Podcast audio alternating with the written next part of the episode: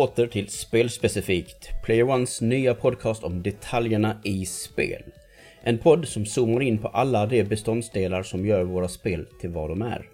Spelspecifikt handlar om att se det stora i det lilla. Jag heter Alexander Cederholm och jag är chefredaktör för playerone.se. Eh, I Spelspecifikt så kommer vi tala om en rad olika saker såsom spelmekaniker, system, koncept, speldesigner och, och mycket mer. Uh, vissa veckor som den här låter vi ett aktuellt spel inspirera grunden för en diskussion medan vi under andra veckor låter ämnet vara helt i fokus. Vi får helt enkelt se från vecka till vecka. Liksom förra veckan har jag en kollega med mig från redaktionen. Denna gång har jag turen kommit till vårt senaste nytillskott på redaktionen. Dante Enoksson. Välkommen! Tack så mycket! Hallå! Hallå! Dante Enoksson, hur har din första tid på Player One varit tycker du? Den har varit eh, jättebra, tycker jag. Ehm, den kom... Bra ett tråkigt ord. Ja, precis. Nej men, ehm, för jag, jag kom in under eh, en eh, kurs, jag, studerar journalistik och medieproduktion för Mm. alla eh, lyssnare. Ehm, och just då när jag började så hade jag en rätt så enkel kurs så jag kunde spendera mycket tid. Jag kände att jag fick ut mycket material rätt så fort på sidan och jag fick bra respons också från alla andra kollegorna. Så det, var, det har Mm. varit en jättekul första tid nu, tycker jag. Ja, nej, du blev lite...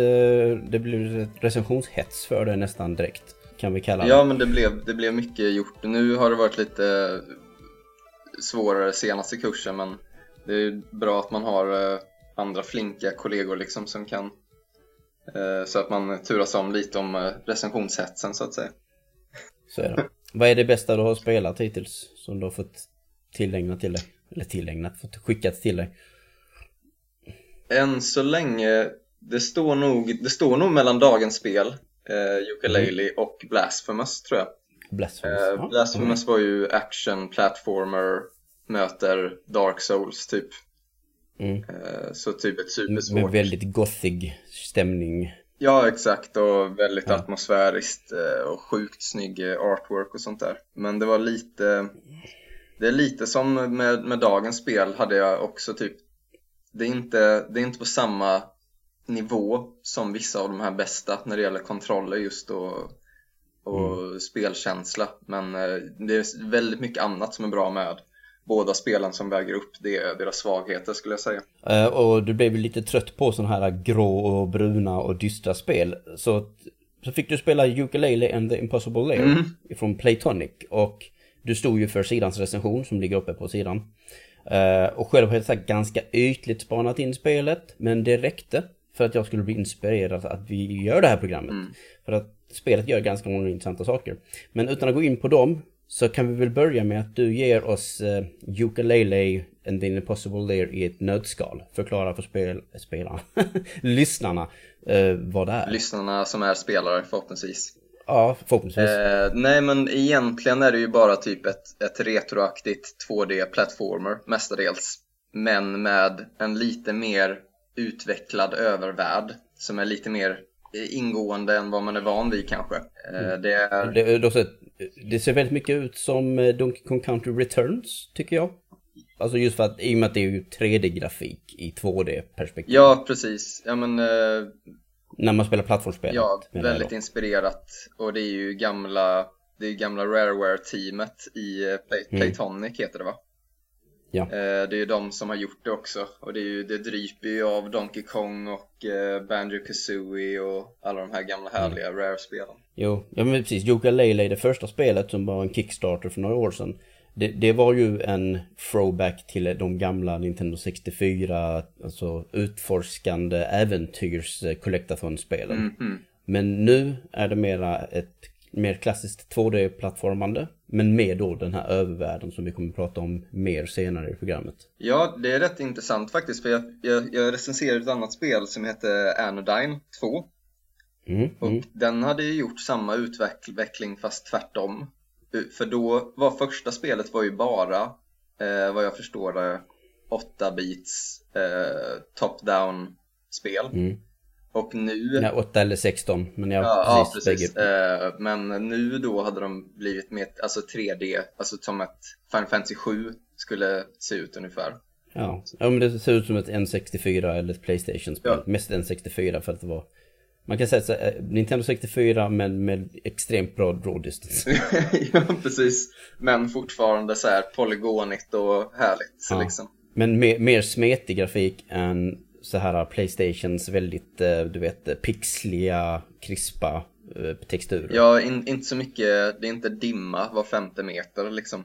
Nej, och, men det är också så här typiskt N64-syndrom. Ja. Jag vet inte om du är en Playstation, är det för, för uh, lyssnarnas skull också så här, är du en Playstation liksom eller är du en Nintendo-människa när det kommer till vad spelar du liksom där i mitten av 90-talet till exempel? ja, då var det ju Nintendo nästan bara. Så var det Nintendo 64 i ditt hem? Ja, det var, SNES var mitt första som jag hade. Ja. Och sen så blev det ett 64. Eh, sen så köpte jag ett Playstation eh, 1 av min brorsa. Eh, men jag vet inte, jag, jag tror att jag, jag sålde det rätt så fort efteråt. Jag minns faktiskt inte vad som hände med det, men jag fick ändå den här smaken på, jag hade Final Fantasy 8, hade jag, jag hade aldrig 7 Så Okej. jag har liksom, men nu för tiden så är det Switch, Playstation 4 och Xbox eh, 360, jag har inte One. Det, så nu, nu är jag inte eh, trogen längre. Nej, nej jag var alltid, jag var Nintendo all the way i princip under hela 90-talet fram tills Dreamcast som vi nu haft, nyligen haft en special om dessutom. Mm. Eh, men jag spelade mycket på Playstation. En polare hade Playstation så han var min källa till Playstation-spel och så vidare. Och jag var hans källa till Nintendo 64-spel. Så du vet, det löste sig väldigt vackert. Ja, och Eh, var ju- Och det gör ju som att... Vad skulle du säga? Nej, jag skulle, det här med att eh, med Playstationen så var det, det var mer tacksamt att hyra spel till det, i alla fall där jag Mm. bodde innan i Växjö. Eh, för att Mm. 64-biblioteket var inte så mycket där man kunde eh, hyra på sin lokala spel och videobutik Nej. liksom. Det var nog mer på Playstation men samtidigt jag, jag hade rätt mycket en 64-hyrning också. Ja. Så, ja.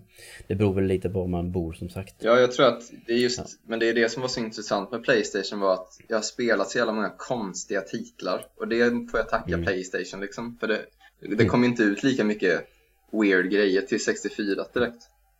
Nej, men däremot så en sak man kan tacka en 64 för är ju Banjo Kazooie. Ja, Som Ukulele är tungt liksom inspirerat av, av inte rent av snutt. Alltså, nej men alltså musiken är nästan identisk i sin stil. Det är två stycken huvudkaraktärer, en, en som går på två ben och en som flyger. Alltså, och det är snarlika, de, de samlar, vad är det man samlar i ukulele för någonting? det är ju eh, fjäderpennor, quills. Fjäder quills ja. Ja. Och så var det jiggis i Banjo Kazooie. Ja, och Allting är guld pages dessutom. är det ju, pages. det var det ju första spelet, Mm. eh, ukulele. Och i, också att bådas namn är en ordvits.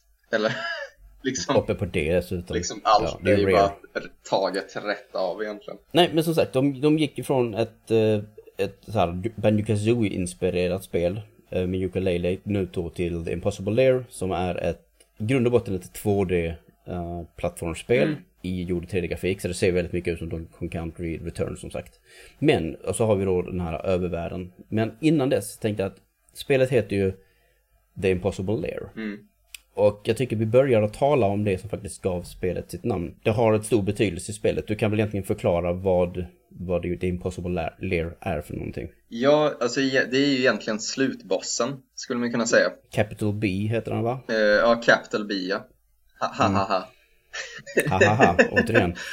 Då är det ju att för intronivån leder in i the, the Impossible Lair som är sista boss. Och då är det typ, det är ju mer eller mindre meningen att du ska förlora första gången. Det- När du säger boss så menar du boss eller menar du en bana? Alltså- För jag får intrycket av att det är en, ba- en lång, lång bana. Ja, eller grejen är att introdelen som är, det är typ en tutorial-del eh, där Mm. man får lära sig kontrollen och allt sånt där. Och då leder det in i Impossible Lair första gången.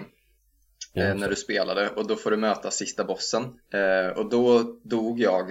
Eh, jag vet inte om man kan besegra honom. Ja, det har jag faktiskt inte kollat. Ah. Om man kan besegra honom första gången man möter honom. Men det är ett sånt här typ, det är inte meningen att man ska göra det kind of grej. Nej, nej. Det är en Vile från Mega Man X. Ja men precis. Sånt. jag, tänkte, jag tänkte exakt på honom faktiskt när jag, när jag Ja. spelade. Klassiskt exempel. Ja, nej men, eh, och, men då eh, helt enkelt så om du besegras så hjälper Queen Bee ut dig därifrån och så säger hon typ ja men du kan få ett, en bisköld typ men du måste släppa fria bina som har blivit fångade i böcker som finns över världen basically. Eh, och då med var, för varje bi du släpper fri så är det typ en träff eh, mer när du möter Capital B. Mm, det, det har jag har uppfattat det så också som att precis för att varje, okej B, det visste jag inte riktigt. Men varje gång man klarar en boss eller vi klarar en huvudsaklig del av spelet så får man ett, typ ett hjärta till. En Ja, träff ungefär. till. Man Ja, tål ungefär. mer stryk. Så man kan Ja, klara det- av den här typ- banan. Eh, för nu är det, jag tror det finns 48 bin över hela världen. Eh, och Okej. om, när, du, när du befriar ett bi, då är det typ en extra träff. Eh, så Det är många liksom, träffar i så fall. Ja, det, ja, men det är ju typ, ja exakt. Nej, men plus det här completionist-grejen som Ja. jag är väldigt inne på. Så jag går ju gärna runt och tar alla bina ändå. Nej, men, Men ja. ja. precis. Nej. Så Impossible Lair är tillgängligt från start. Så för varje gång man klarar något i spelet så ges man liksom mer liv än energi. Och man kan välja att gå in i det Impossible Lair precis när man vill. ja, exakt. Om jag förstått det rätt så den är inte banan, den Impossible Lair, den sista banan. Den är inte låst, alltså framtaglig, eh, framkomligheten är inte låst genom att du saknar förmågor, eller hur? Nej. Utan det är bara det här med mängden stryk du tål. Så i teorin så skulle du kunna klara det på första försöket om du är en löjligt skillad gamer liksom på Ja, något sätt. exakt. Ja. Och det är ju en jäkligt häftig idé. Mm. Ehm, Även om man kanske samtidigt kan tycka oj det tog slut på en kvart, vad spännande. Men du har bevisat någonting om dig själv. För att sen efter du har klarat så har du förmodligen spelar du resten av spelet ändå. Men det är ett coolt koncept. För liksom, att ha slutspurten tillgänglig från start är ju coolt på, på flera sätt. Så att du kan liksom bokstavligen klara spelet direkt om du är skillad nog. Mm. Och sen två, att du är så här väldigt det är väldigt lockande mål att sikta in sig på det här med att samla hjärtan. Det är ett smart sätt för ett, ett, något så simpelt som ett plattformsspel att tillämpa känslan av att levela upp. Eller du vet, att få ett hjärta i Zelda. Ja, nej men för jag tänkte på det eh, att så här, det är ett väldigt, för att rent, eh, om vi ska nu, om jag ska beskriva geografiskt sett för lyssnarna så är det typ Mm. Impossible Lair ligger, alltså där, där du börjar övervärlden, i övervärlden, Mm. då ligger Impossible Lair precis där. Så du kan liksom bokstavligt talat gå två sekunder och så är du där. Och Ja. resten av världen är ju längre ifrån såklart. Men så, så den är liksom, Och, så det är inte, eh, precis. precis, så det är inte uppbyggt så här som ett klassiskt spel att man går, du vet, en värld efter en annan och så ser man inte slutet förrän man har kommit till sista världen i princip. Nej, utan den är ju bara, den bara där och så säger som Queen Bee säger att ja, du kan försöka hur många gånger du vill. Det är liksom också så här, om, om du räddar 10 bin och bara typ, ja men fan jag försöker nu. Då kan du försöka då, du kan fixa alla 48 bin, du kan testa utan några bin hur många gånger du vill. Men det finns liksom ingen, eh, Kan du verkligen ha 48 träffar? Kan du verkligen ha alltså typ 48 enheter med liv? ja, de surrar runt Rätt. omkring dig som en, som en bisköld. Huh. Är väl eh, typ story-tänket i alla fall. Okej. Och det är fullt möjligt att kunna ta sig igenom någonting utan att bli skadad. Det är inte så att det finns, vet så här, som en Mario Maker-bana där vissa banor bara så här, de har så här räknat ut, sadistiska människor har räknat ut att ja, men du måste ha svampen nu, annars kommer du inte igenom det här skyddet och kan använda dina sådana här invincibility frames för att överleva. Mm. Utan det är, det är schysstare byggt. Ja, eller för jag, Eller mer rättvist. jag, jag klarar inte av det. Ska jag, ju- kan jag erkänna Nej. på en gång. Men eh, för, för de som är, om man är skillad så kan man ju klara av det absolut. Mm. Men det är ju som andra människor, som folk som eh, klarar Dark Souls naken eller eh, en, en sak jag tänkte på som är ju att typ Breath of the Wild, där kan du ju tekniskt sett Mhm. bara springa direkt till Ganon om du vill. Ja, åtminstone efter att du har kommit ner för klippan. Mm, ja, precis. Eftersom det är i princip en tutorial. Sen finns det ju de som är så speedruns och sånt och de kan ju i princip fuska sig igenom det också. Mm. Men åtminstone när du är av platån så kan du ju rusa tvärs över fältet och försöka liksom överleva alla Guardians och komma in i Hyrule Castle. Ja. Det går i teorin. Det är inte lätt för en nybörjare. Nej. Men det är exakt samma princip. För du, du kan i teorin göra detta, komma igenom fältet, genom Hyrule-staden och in i slottet och fram till Ganon. Och med tre hjärtan, tror jag det är, man har från början, Mhm. klara och besegra Ganon. Mm. Fast det är ju hiskligt svårt för att jag menar, han har ju då, någonting som Breath of the Wild har, är ju att varje beast, eh, vad heter de, mechanical beast, jag kommer inte ihåg vad de Eh, kallas. Divine Beasts. Divine Beast, precis, som finns i de fyra hörnen i världen. De eh, sänker ju Ganons eh, livskraft kan man ju säga. Ja, stridsfaser. Ju mer man, ju, ju fler sådana man väcker. Så att han är som lättast om du har väckt alla fyra bästa. ja, precis. Ja. Det är också, och där är ju den principen igen. Inte bara att du kan ta det till slutet, utan du har också en anledning. Varför ska jag vända mig ut till de olika bästarna? Jo, för att de ökar chansen till att klara det. Mm, mm. Just det. Plus att jag tror att Master Sword också hjälper väldigt mycket emot den, i den striden. Ja, det är väl, eh, den går, den skadar ju 60 damage, som är mycket för alla som inte har spelat Breath of the Wild. Och så kan det inte, och så kan det inte brytas Nej, precis. dessutom. Men det är ju fullständigt valfritt i Breath of the Wild. Mm. Och då är det ju, eh, då är det ju typiskt mig att gå runt och samla allt innan man gör slutbossen. Och det är ju det som är lite typ, jag kan tänka att det kanske är jättekul för, det kanske är kul för speedrunners det här, att Mhm. eh, Ja, definitivt. som utmaning att man kan göra det för en, på en gång. Ja men det är det med, alltså det som kommer hända är ju att speedrunners kommer att klara det här spelet liksom och försöka liksom, ta sig in i The Impossible Lair direkt och sen klara det. Mm. Plus, plus på sina elegant haxiga sätt. Så ut, ut, det är tveklöst att det är så det kommer, vi kommer att se det någon gång. Mm. Vi har säkert, det har redan hänt säkert. Ja, precis. Det, det har säkert hänt, vi hänger bara inte på rätt Twitch-kanaler för att se. Nej, ja, jag såg eh, eh, i alla fall på Youtube så följer jag ett par, en som heter Cadicarus hade precis släppt en recension och eh, The Completionist också. Hade Mhm. också, fast hans grej är ju att han klarar allt i och för sig. Så han har ju samlat alla pages och han har hittat, vad är det, alla tonics i spelet och alla uh, tjofräsen. Känner du till fler spel som du tycker har använt sig av det här konceptet förutom Breath of the Wild? För det är också ett väldigt nytt spel ju. Ja, jag funderade på det och ett spel, det kanske du har spelat men jag har inte kört det. Det är ju eh, Chrono Trigger, kan man väl göra det? Ja, mm. Alltså definitivt i plusspel, alltså när du spelar plusläget. Mhm. Då kan du gå och möta Lavos direkt. Men det går inte att göra när du startar spelet från första början. Ja, okej. Däremot så kan man när man kommer till framtiden i teorin besegra, tror jag, Lavos. Eh, Men det är fortfarande flera timmar in. Men borde gå i teorin gå och klara honom i förväg har jag för mig. Mm. Men det är hiskeligt svårt för en som hade spelat spelet till exempel. Nej. Eh, Men sen när du kommer in i plus, alltså klarar spelet och spelar plus. Och sen, för då kan du plötsligt utnyttja uh. Kan man, vänta. Jag, und, mm, jag är lite undrar, för det handlar ju om om man går in i en teleport i början av, i början av spelet. Så kommer den liksom, hamnar man i den Day of Lavos eller vad den heter Ja, okej. Nej, jag har inte Så, mm, typ. kunnat spela det så jag kan inte säga från egen erfarenhet i alla fall. Ja, nej, jag har inte klarat det på själv på sistone på länge så jag, det är lite luddigt. Uh, lyssnarna får rätta mig eller korrigera mig åtminstone. Precis. Och sen, jag är ganska säker på att eh, gamla Mercenaries-spelet på Playstation 2, vad heter den? Playground of Destruction. Just det. Också hade det här systemet, för de hade ju de här 52 kortlekarna. Eller Ja. tvärtom, en kortlek. Ja. Och Spader, Kung och alla de här. Och de skulle ju påverka precis som eh, Crackdown. Att om du besegrar olika bossar så liksom eh, sänker du eh, försvarskapaciteten hos fienden. Mm. Att du säger nu har de inte raketgevär längre.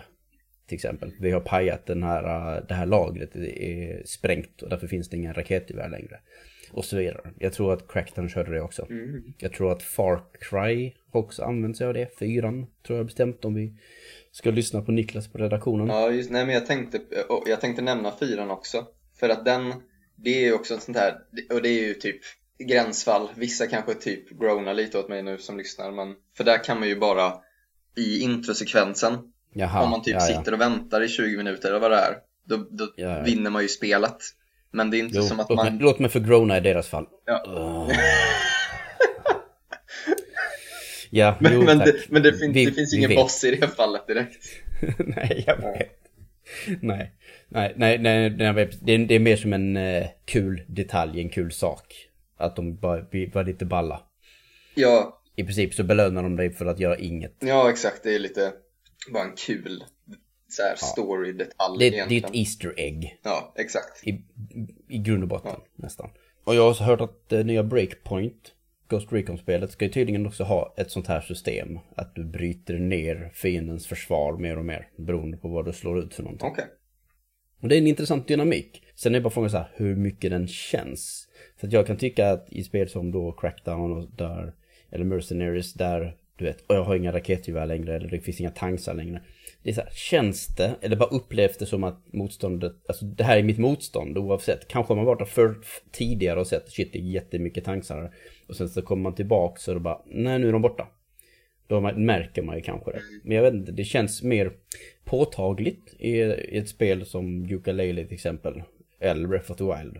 Att det är en tydlig skillnad liksom. Att jag, att jag bröt igenom här tidigt och kom, kom till den här platsen. Ja, Och att det blir mycket lättare ju starkare jag blir. Alltså det är du som blir starkare. Du, du bryter inte ner fiendernas försvar. Utan i det här spelet så är det du som blir starkare och gör så att du kan komma igenom. Förutom i Zelda, för då bryter du ner försvaret också. ja precis. Nej men för, och grejen med mig är i alla fall att jag, jag går ju alltid runt och gör allt som sagt innan en slutboss. Jag har ju det problemet, jag, du får säga om du också gör det här ibland, men jag har ju det problemet att jag går runt och gör alla sidogrejer tills det kommer en punkt där bara fan, ska det vara så här jävla svårt egentligen? Och Mhm. då gör jag ett typ main story-uppdrag och då bara, ah, här får du den här magin eller här får du den här saken som du uppenbarligen behöver för att klara någonting i spelet egentligen. Men så har jag sprungit runt utan den här fucking plot armor grejen basically och gjort Mm. massa nonsens istället. Det var lite som nu när jag spelade uh, Link's Awakening Mm. på switchen. Så finns det ju, de har ju in, eh, instoppat in uh, färggrottorna, alltså color dungeons. Som fanns på, eh, bara fanns på Game Boy Color. Mm. Eh, det fanns ju inte på original Game Boy-spelet. Och när du klarar den så får du välja mellan om du vill ha mer blå, eh, blå tunika som är liksom, du får mer, tål mer stryk. Eller så röd tunika och då bara, då så här, tror jag tredubblas styrkan i ditt svärd. Mm. Och jag kan ju säga, jag klarade den grottan eller hittade den grottan och klarade den kanske som fjärde grotta Mm. av nio totalt. Och det, det gjorde ju ganska mycket för min kapacitet att bara bröla igenom vissa partier.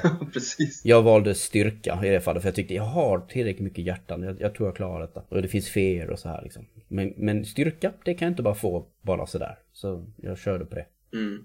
Annars brukar jag vara en sån som gillar att lägga resurser på hälsa faktiskt. Ja, det är ju verkligen jag i typ Breath of the Wild till exempel att jag bara går, går 100% in på hjärtan, staminan får, den får shit typ när jag har en hel rad hjärtan ungefär. Alltså jag tyckte visserligen det var så kul att klättra och springa omkring i den världen så jag verkligen såhär, jag måste ha stamina också. Ja.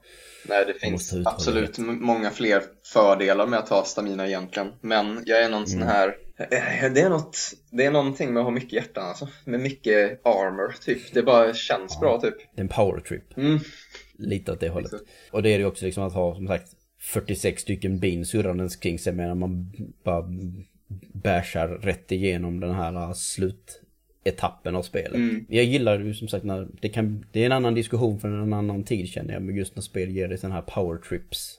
När man blir så här extremt kraftfull en liten stund. Där det är meningen att man ska känna sig väldigt kraftfull. Ja, Men jag, jag tror att vi jag tror vi har tömt ämnet kring The Impossible Lair, det konceptet. Det här med att kunna nå en slutdestination tidigt i spelet. Och de som lyssnar får gärna komma med fler exempel om ni har något, något bra eh, typexempel själva. Och sen så pratar vi, går vi till det som du nämnde tidigare och som jag anser är verkligen det som sticker ut med det här spelet. Det som verkligen sticker ut är liksom hur det här spelet använder sin, sin övervärld, eh, sin karta, eh, hur man kan kalla det. Den, det är en väldigt intressant overworld i det här spelet.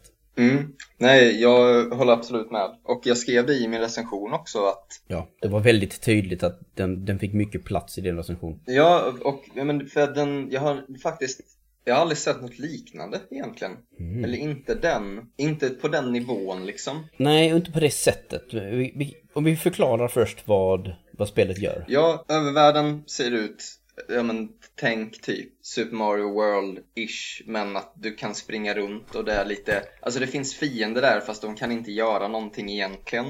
Eh, Så de är lite mer utsmyckning. Men dock så finns det pages, eh, alltså bara sidor som är magiska, Mm. som där du kan få en liten, en liten mini-trial eller en liten mini-utmaningsnivå typ. Och om du klarar den så förändras övervärlden och ibland rätt så markant skulle jag också vilja säga. Alltså själva kartan Mm. manipulerar du på något sätt. Men jag har ju sett att man kan så här plocka bomber ur växter och så kan man spränga murar och ta sig upp till nya platser och man kan öppna vattendrag till exempel som gör så att en låda börjar flyta som inte man kunde nå tidigare och så vidare. Ja, och då det här... Liksom det är en massa miljöpussel. Mm, precis, och det här också då att om du, ja men vi säger att du öppnar eh, upp det här vattendraget och dränker en bok Mm. som innan var en, ja, låt oss säga ökennivå och nu helt plötsligt så är det en vattennivå istället.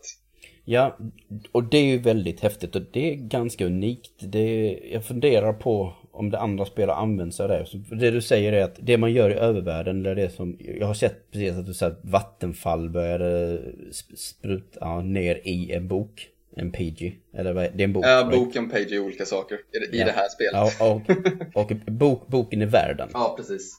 Ja, precis. Och då är det helt plötsligt vatten i den världen. Den var till exempel, den brann innan och nu brinner den inte längre utan nu är, nu är, den, nu är det vatten. Japp, precis. Återigen, Mega Man X, du vet, man kan frysa eh, vissa banor och så vidare ju, Just det, genom att göra olika grejer. just det, det hade jag fan glömt bort. Nej men, eh, för sådana effekter är ju häftiga och det är lite så här som att, du vet gamla Super Mario, eh, Super Mario 64. Mm. Beroende på vilken höjd du hoppade in på i eh, Wet Dry World så bestämde du ju hur hög vattenståndet var när du började banan till exempel. Ah, det visste inte jag. Nej, hoppa in lägst så är det bara vatten till fotknölarna ungefär och hoppa in på högst, absolut högst upp på tavlan så är det vatten hela vägen upp nästan. Ah, Mm. jag som ändå är gammal Super Mario 64-veteran, Ja, tyck, trodde jag vid det här Ja. laget, men... Då har du lärt dig någonting nytt. Om ett 20 år gammalt ja, spel. just det. Nej men, eh, Ja, nej men det är ju ett exempel till exempel. Ändå att du, så här, du manipulerar världen genom att du gör någonting. I det här fallet så var det bara var du hoppade in. Men jag tror nästan att Banjo Kazooie kanske har gjort någonting också av det här slaget. Ehm, och det är ju för synnerhet också Banjo Tooie som är ännu mer komplext. För du vet, där binder de ihop. Kommer du ihåg tå? Har du spelat Banjo Tooie? nej jag, jag, jag hade aldrig det. Det fanns inte tillgängligt när jag var liten och nu för tiden kostar det typ 1500 spänn att köpa. Eh, Ja, så fuck det liksom. Nej, men där finns ju bland annat till exempel ett tåg i, i hubbvärlden. Mm. Och det tåget kan åka till andra delar av hubbvärlden. Men det riktigt häftiga är att också det besöker världar i spelet.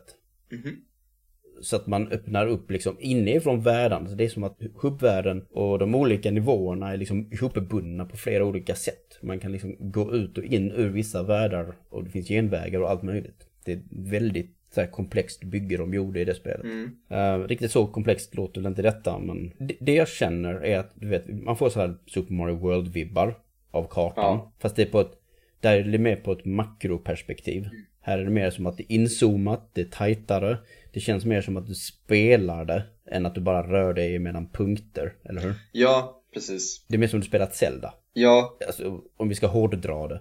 Det är ett eget litet spel, men med en upplevelse av att det är på en karta. Mm. Mm. Nej men för jag tror att det som jag tänkte på när jag, när jag funderade på andra spel som hade gjort liknande saker Då tänkte jag mest, jag tänkte på typ två, tre olika sorter Och då var det, jag, för jag, inte, jag har inte spelat, eller jag, nu var det Mega Man var ju bra ett exempel som jag har spelat Men jag kom Ja. inte på något som hade varit så ingående riktigt som det här Där man verkligen förändrar världarna i eh, Mm. spelet, alltså 2D-partierna Eh, Men annars så tänkte jag nog, det var mestadels mer Alltså typ Mario World är ett exempel som egentligen är Alltså det är ju rent kosmetiskt egentligen Typ att ja, en bro byggs upp för att du klarar en bana Men Den Mm, bron mm, hade ju mm. kunnat vara där från början så du har ju inte riktigt förändrat någonting på samma sätt. Nej. Och, och överlag så är det ju också mycket att man eh, Alltså man hittat en hemlig utgång till exempel. Mm. Och, och då tillkommer de här olika platserna i spelet. Men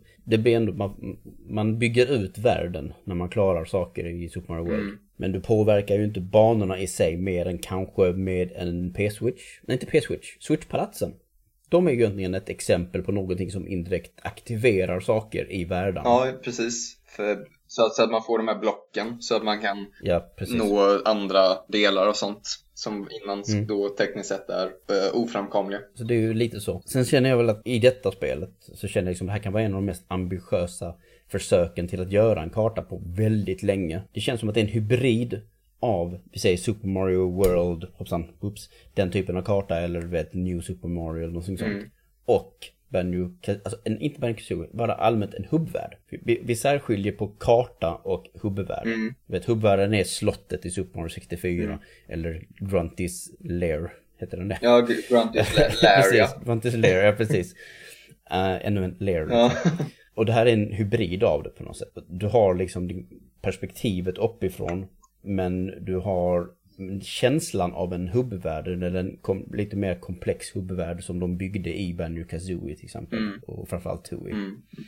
Och även Donkey Kong 64 är jag ganska säker på att de hade ganska mycket sådana saker också som interagerade med varandra. ja, jag tänkte precis nämna det för det är ju ett det är ju ett sånt här, nu ska vi inte prata om Donkey Kong 64 hela dagen för det hade jag väl kunnat göra i alla fall. Men det är ett sånt här spel som jag, jag har väldigt så bra, st- starka känslor för det.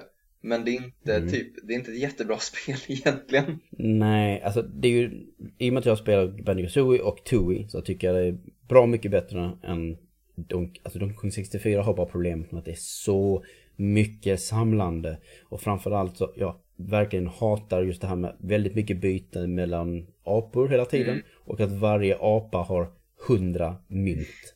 Inom citationstecken, alltså bananer. Och du ska samla 500 mynt på varje nivå. Och det, är- det är lite på absurdum liksom. Ja, det är starka känslor märker vi så vi får helt enkelt ta ett avsnitt om collectathons eller något.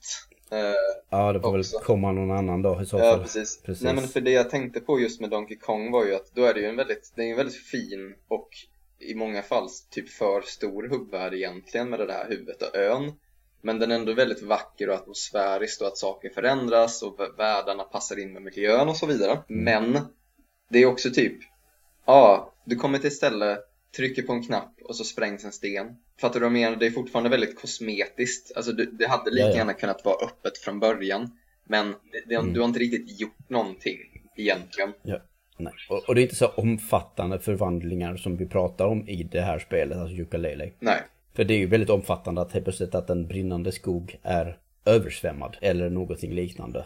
Eller har, ge mig några exempel på vad som händer med världar när de manipuleras. Ja, det finns, eh, det finns olika grejer. Som vi har sagt det här att man kan översvämma olika ställen så att de eh, blir eh, vattennivåer istället för vad de nu var innan.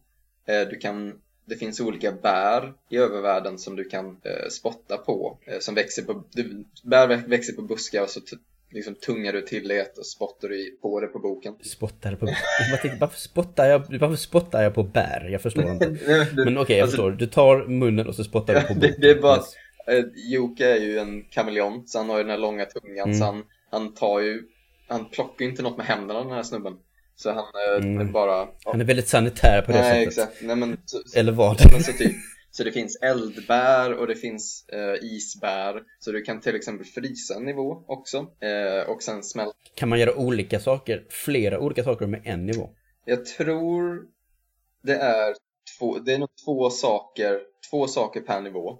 Eh, Wow, så okej. om, en, om en nivå är vanlig så kan du frysa den Men sen så kan du smälta upp den igen men du kan inte typ tända eld på den också Eh, Okej, men då är det väl bara ett eller två, alltså två stycken? Ja. Den är fryst, den är smält och sen är den fryst Ja. Då, då är det två, två lägen. Men det är, det är fortfarande häftigt. Ja precis och det, det är någon, någon när du typ stöter på en, eh, en kittel Som håller på att typ Mm. koka honung i sig eller någonting som Mm. typ och så kan du tackla honom, spilla honung på en bok och då är boken full med honung eller nivån är full med honung helt plötsligt så att du kan ta dig Och grejen är också, alla som lyssnar nu, nivåerna blir totalt annorlunda. Alltså det är inte typ lite annorlunda som, för Megaman är väl inte jättemycket som händer? Nej, det är typ samma bana men de, du vet, man, jag tror man frös eld. Ja, Sådana grejer. Så saker som var mycket eld i vägen och jobbiga passager blir lättillgängliga eller rent av tillgängliga. För jag tror kanske att det ledde till sån här extra utrustning. Mm. Jag minns inte ja delar av rustningen och sånt där va, typ. Ja, jag, jag tror att det gömmer sig någonting Ja. sånt där. Men, men nu är det ju att det blir en helt ny nivå. Alltså det, i vissa fall så känner du inte ens igen nivån överhuvudtaget. För att de har typ flippat på den eller den är upp och ner eller alltså du vet, det är väldigt mycket grejer. Och det är rätt imponerande också hur skilt det är. Det måste de ha lagt väldigt inte mycket tid samma på. det är alltså inte samma layout längre med kladdig honung till exempel. Nej, alltså in, inte bara. Vissa ställen känner du igen såklart. Men vissa ställen kan ju bli, vara helt typ så här, ja det här, nu är det här en vertikal del istället för en horisontell. Nu kan du Mm. inte, du kan inte ta dig upp här, men nu kan du göra det. Typ, det finns ett, en grej att du ger, det låter helt sjukt när man pratar om det här spelet, men du hittar fläktdelar till en dörr som är en fläkt och sen så ger du dem till honom och då blåser han på en bok och då blir det typ en vindnivå och då kan du typ så här Mm. sväva och floata till ställen där det inte fanns innan men samtidigt så försvinner vissa säkra plattformar så att typ du, det finns mer eh, pitfalls typ. Okej. Eh, så det är, det, är det är väldigt, väldigt eh, genomgående faktiskt. Jag, jag har sett en sak där jag har för mig att man släppte ner en massa eh, piraya, pirajor ner i boken. Ja, gud. Eller något liknande. Ja, det, Och sen då blev det en jaktsekvens så att man får alla de här efter sig så ska man bara rusa som tusan liksom åt höger medan de är i hack i häl efter. ja, ja, precis. Och så blir det typ en tajmad nivå istället. Eller som en, som en gammal... väldigt Rayman Origins-aktig nivå. Ja, men typ, jag tänkte på Crash Bandicoot typ. Eh, när, Mm. när, när det är de här Indiana Jones stenar efter mig nivåerna liksom. Vi hör ju här hur många exempel och hur intressant det blir. Och sen, som sagt, en karta tycker jag kan skapa så här ett intressant metaspel i spelet. Det är liksom precis, det här är inte huvudspelet, för plattformsspelet är huvudspelet egentligen. Men som du säger, kartan är nästan mer fascinerande i det här fallet. Uh, just för att hur mycket den förändras och den förändrar ju i sig, i sig. Men den förändrar också allting, alla banorna också. Så jag, jag, jag är som sagt, så fort jag såg detta bara oh, jag vill prata om detta. Det här ser ut som någonting man kan prata om. och vi är inte heller bortskämda med kartor i spel, alltså plattformsspel till exempel. För att jag känner lite att 3D-spel, alltså vi hade Super Mario World och sen lite Donkey Kong Country och sådär liksom. Men jag tyckte Donkey Kong Countrys karta var inte ens i närheten av lika lekfull som Worlds till exempel. Med mycket öppna och världar och du vet ehm, alternativa rutter och så här. Nej, Donkey Kong. För det fanns ju ingen Star World till exempel i Donkey Country. Det var ett väldigt linjärt spel överlag. Ja, det hade ju nästan kunnat vara en level select ungefär. Det är ju, det är ju trevligt, men eh, det, Det är som New Super Mario World till exempel. Nej, New, New Super Mario Boss heter det, fin, det finns många av dem nu alltså. Det finns många av dem nu, och de är också väldigt linjära. De kör ju liksom Super Mario Bros 3 upplägget snarare än World. Ja. Jag tycker det är lite tråkigt personligen. Känner jag liksom att 3D-spelens entré in i spelhistorien gjorde kanske att vi fick ett så abrupt slut på utvecklingen av spelkartor. Och istället så fick vi hubbvärldar. Mm. Här har vi nu 20 år senare något spel som är väldigt lyckat mitt emellan. Mm, mm. Ehm, hur, hur gör, har du spelat eh, Shovel Knight En del. en del? För, för det är väl, eh, eller det var det också typ bara som Super Mario 3 va? Ungefär. Ja. Fast på en eh, större karta fortfarande. Jag tror den hänger ihop fortfarande. Hela kartan hänger ihop. Just det. Nej, för jag funderar på något mer modernt exempel som gör något liknande, men det är nog jag tror det är därför som jag också ville prata om det för att, eller det var därför jag pratade mycket om det i, i recensionen, för att Mm. det blir så, det blir väldigt unikt och det är nästan, det är ju typ ett bättre exempel på en hub world än Super Mario 64 och Donkey Kong 64 skulle jag säga, där det är med mer kosmetiskt eh, och inte lika ehm, Funktionellt. Ja, funktionellt, ja precis. vilken, vilken då menar du? Nej, i, i ukulele. Att där är det ukulele, väldigt, mm, det är väldigt mm. fysisk förändring och inte bara typ Nej, de gör ju bägge delarna. Även om kanske det fysiska är där också men jag vet, jag vet inte, det finns något väldigt mycket ikoniskt med Super Mario Worlds förändringar i världen. Mm. Liksom, det är väldigt ögontillfredsställande och sådär. Jag, jag tror inte det är samma känsla kanske i Yooka-Laylee. Men där har du som sagt funktionaliteten istället och bara allmänt att det är tillfredsställande att klara pussel. Mm. Så att jag tror man kan göra så. Uh, jag tycker sen att vi vänder oss till lyssnarna. Och liksom för, du hör själv, vi sitter fast här liksom och maler på Mario World och, och de gamla hubbvärldarna från Nintendo 64. Mm. Och New Super Mario och så här. Men för jag kan inte komma på, jag, jag kunde inte klura ut flera spel som använder sig av en överkarta på ett väldigt ambitiöst sätt. På ett öppet sätt eller på ett föränderligt sätt. Nej. Och jag välkomnar väldigt många exempel eh, om ni har några. Så att det är bara att skriva och kommentera under eh, artikeln här där podden finns. Om ni inte är i artikeln och lyssnar på så gå in på vår artikel på playerone.se eller gå till Facebook eller Twitter och skriv direkt under de inläggen där den här podden har lagts ut. Så att vi får se vad, vad ni har för förslag. Och jag tror vi kanske sätter punkt om övervärldsdiskussioner där. Mm. Och, och sen bara, ska vi, vi ska tisa lite för spelet har ännu en mekanik faktiskt som är rätt kul. Och den, det handlar om en intressant sätt hur, hur Laylee, Laylee, hur, vad heter hon? Laylee. Laylee. Uh, hur hon tillämpas i spelet som en slags hälsosystem. Mm. Och, men eftersom att jag har så sjukt många andra tankar om hälsosystem i spel så tänkte jag att vi skjuter den diskussionen till en annan dag, till ett framtida program.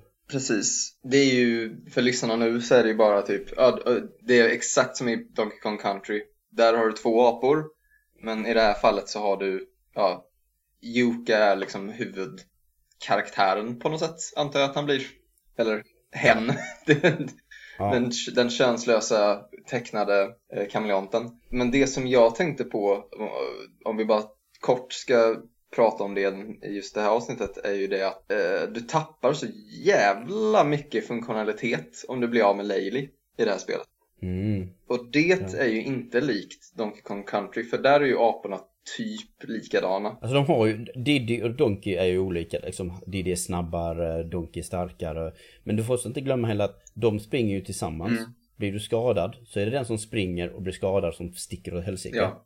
Och sen tar den andra över. Ja. That's it liksom. Ja. Men här är ju de en fungerande enhet och blir du av med Leylay så kan du inte flyga längre. Eller sväva. Nej, precis. Och det var det som gjorde att, att det nästan blev lite för dramatisk skillnad om du blev av med Leylay. Eh, att... Men du kan fånga henne igen och det är alltså, det, det liksom blir ett litet Yoshi's Island element i det hela. Mm. Nej men jag tänkte också på Yoshi's Island. Eh, det som jag, det som jag märkte var att typ om Laylee försvann eller eh, om jag blev träffad och hon började flyga runt då typ när jag, när jag hoppade efter då, det var då jag dog oftast nästan. mm, men det är ju väldigt mycket Yoshi's Island, väldigt Sonic the Hedgehog när man jagar eh, ringar eller Baby mm. Mario som skriker Precis. i högan sky.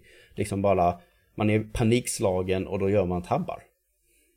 Så ja, det ena leder till det andra. Uh, men som sagt, vi, vi tar den diskussionen om sådana här alternativa hälsosystem i, en, i ett framtida program. Mm. För det är ett väldigt intressant uh, ämne som jag tror fler på redaktionen kanske vill dela med sig av. Ja. Och då har vi kommit till vägs ände på den här kartan. Eh, den här kartan som heter Spelspecifikt avsnitt nummer två. Uh, som sagt, ni har lyssnat på Spelspecifikt som är en del av playerone.se. Utöver hemsidan så hittar ni även oss på Facebook som playerone.se eller at playerone eh, understreck se på Twitter och playerone se på Instagram där vi sitter och lägger upp foton under veckan och det, vi roterar redaktionsmässigt igenom vem som ansvarar för kontot varje vecka. Så det är rätt kul och varierande innehåll. Eh, och för egen del så hittar ni mig på Twitter under namnet att dogma understreck. Kan man hitta dig på Twitter Dante eller någon annanstans? Uh, jag har ingen Twitter men jag har en Instagram som jag är rätt så aktiv på som heter Enok Unuk. Eh, Enok stavas med E-N-O-C-H, Unuk stavas eh, som Unuk. som Unuk, okej. Okay. Yes. Jättebra. Mm. Uh, sen får jag inte glömma att säga att musiken till programmet är gjort av Dominic Ninmark som har gjort musik till spel som Striker Sisters, Rival Megagun och Blazing Chrome. Så vi har fått våran titellåt här av honom. Eh, han gör också schyssta Eurobeat-remixer. Så missa inte dem. Eh, ni hittar honom på Twitter som att Dominic Ninmark och på Youtube som Dominik Ninmark. Alright, tack till alla som har lyssnat på detta program och eh, Player One presenterar feeden hittar ni idag så gott som överallt. Vi hittar oss på Stitcher, Eh, Apple Podcaster, Google Podcast, Overcast, Podbean och eh, Anchor. Anchor är också den appen där vi lägger upp allting på. Det är också en spelare, så använd den för all del om ni inte har någonting annat. Um, vi hoppas att eh, denna podd kan få sig ett hem i någon av era podcastspelare. Det vore väldigt uppskattat. Och som sagt, glöm inte heller att kommentera programmet. Vi har många... Vi tycker att det är intressanta ämnen. Vi vill att ni diskuterar dem med oss. Och det var det. Så jag vill först då, innan vi avslutar, säga tack till dig Dante. Tack för att du delade med dig av dina erfarenheter med Ukulele and the Impossible Lair. Och du vet, generella dis diskussioner vi haft här om övervärldar och andra koncept. Mm. Kul att snacka lite. Mm. Bra spel. Hoppas att eh, alla säger hur fel jag har med olika saker. Ja. Eh, en, en, kort hot take på slutet. Det, just, det är ingen skillnad på Kongsen och eh, alla som tycker det har fel. Så. och eh, för all del, men när spana in spelet, läs vår recension, läs Dantes recension. För det verkar schysst.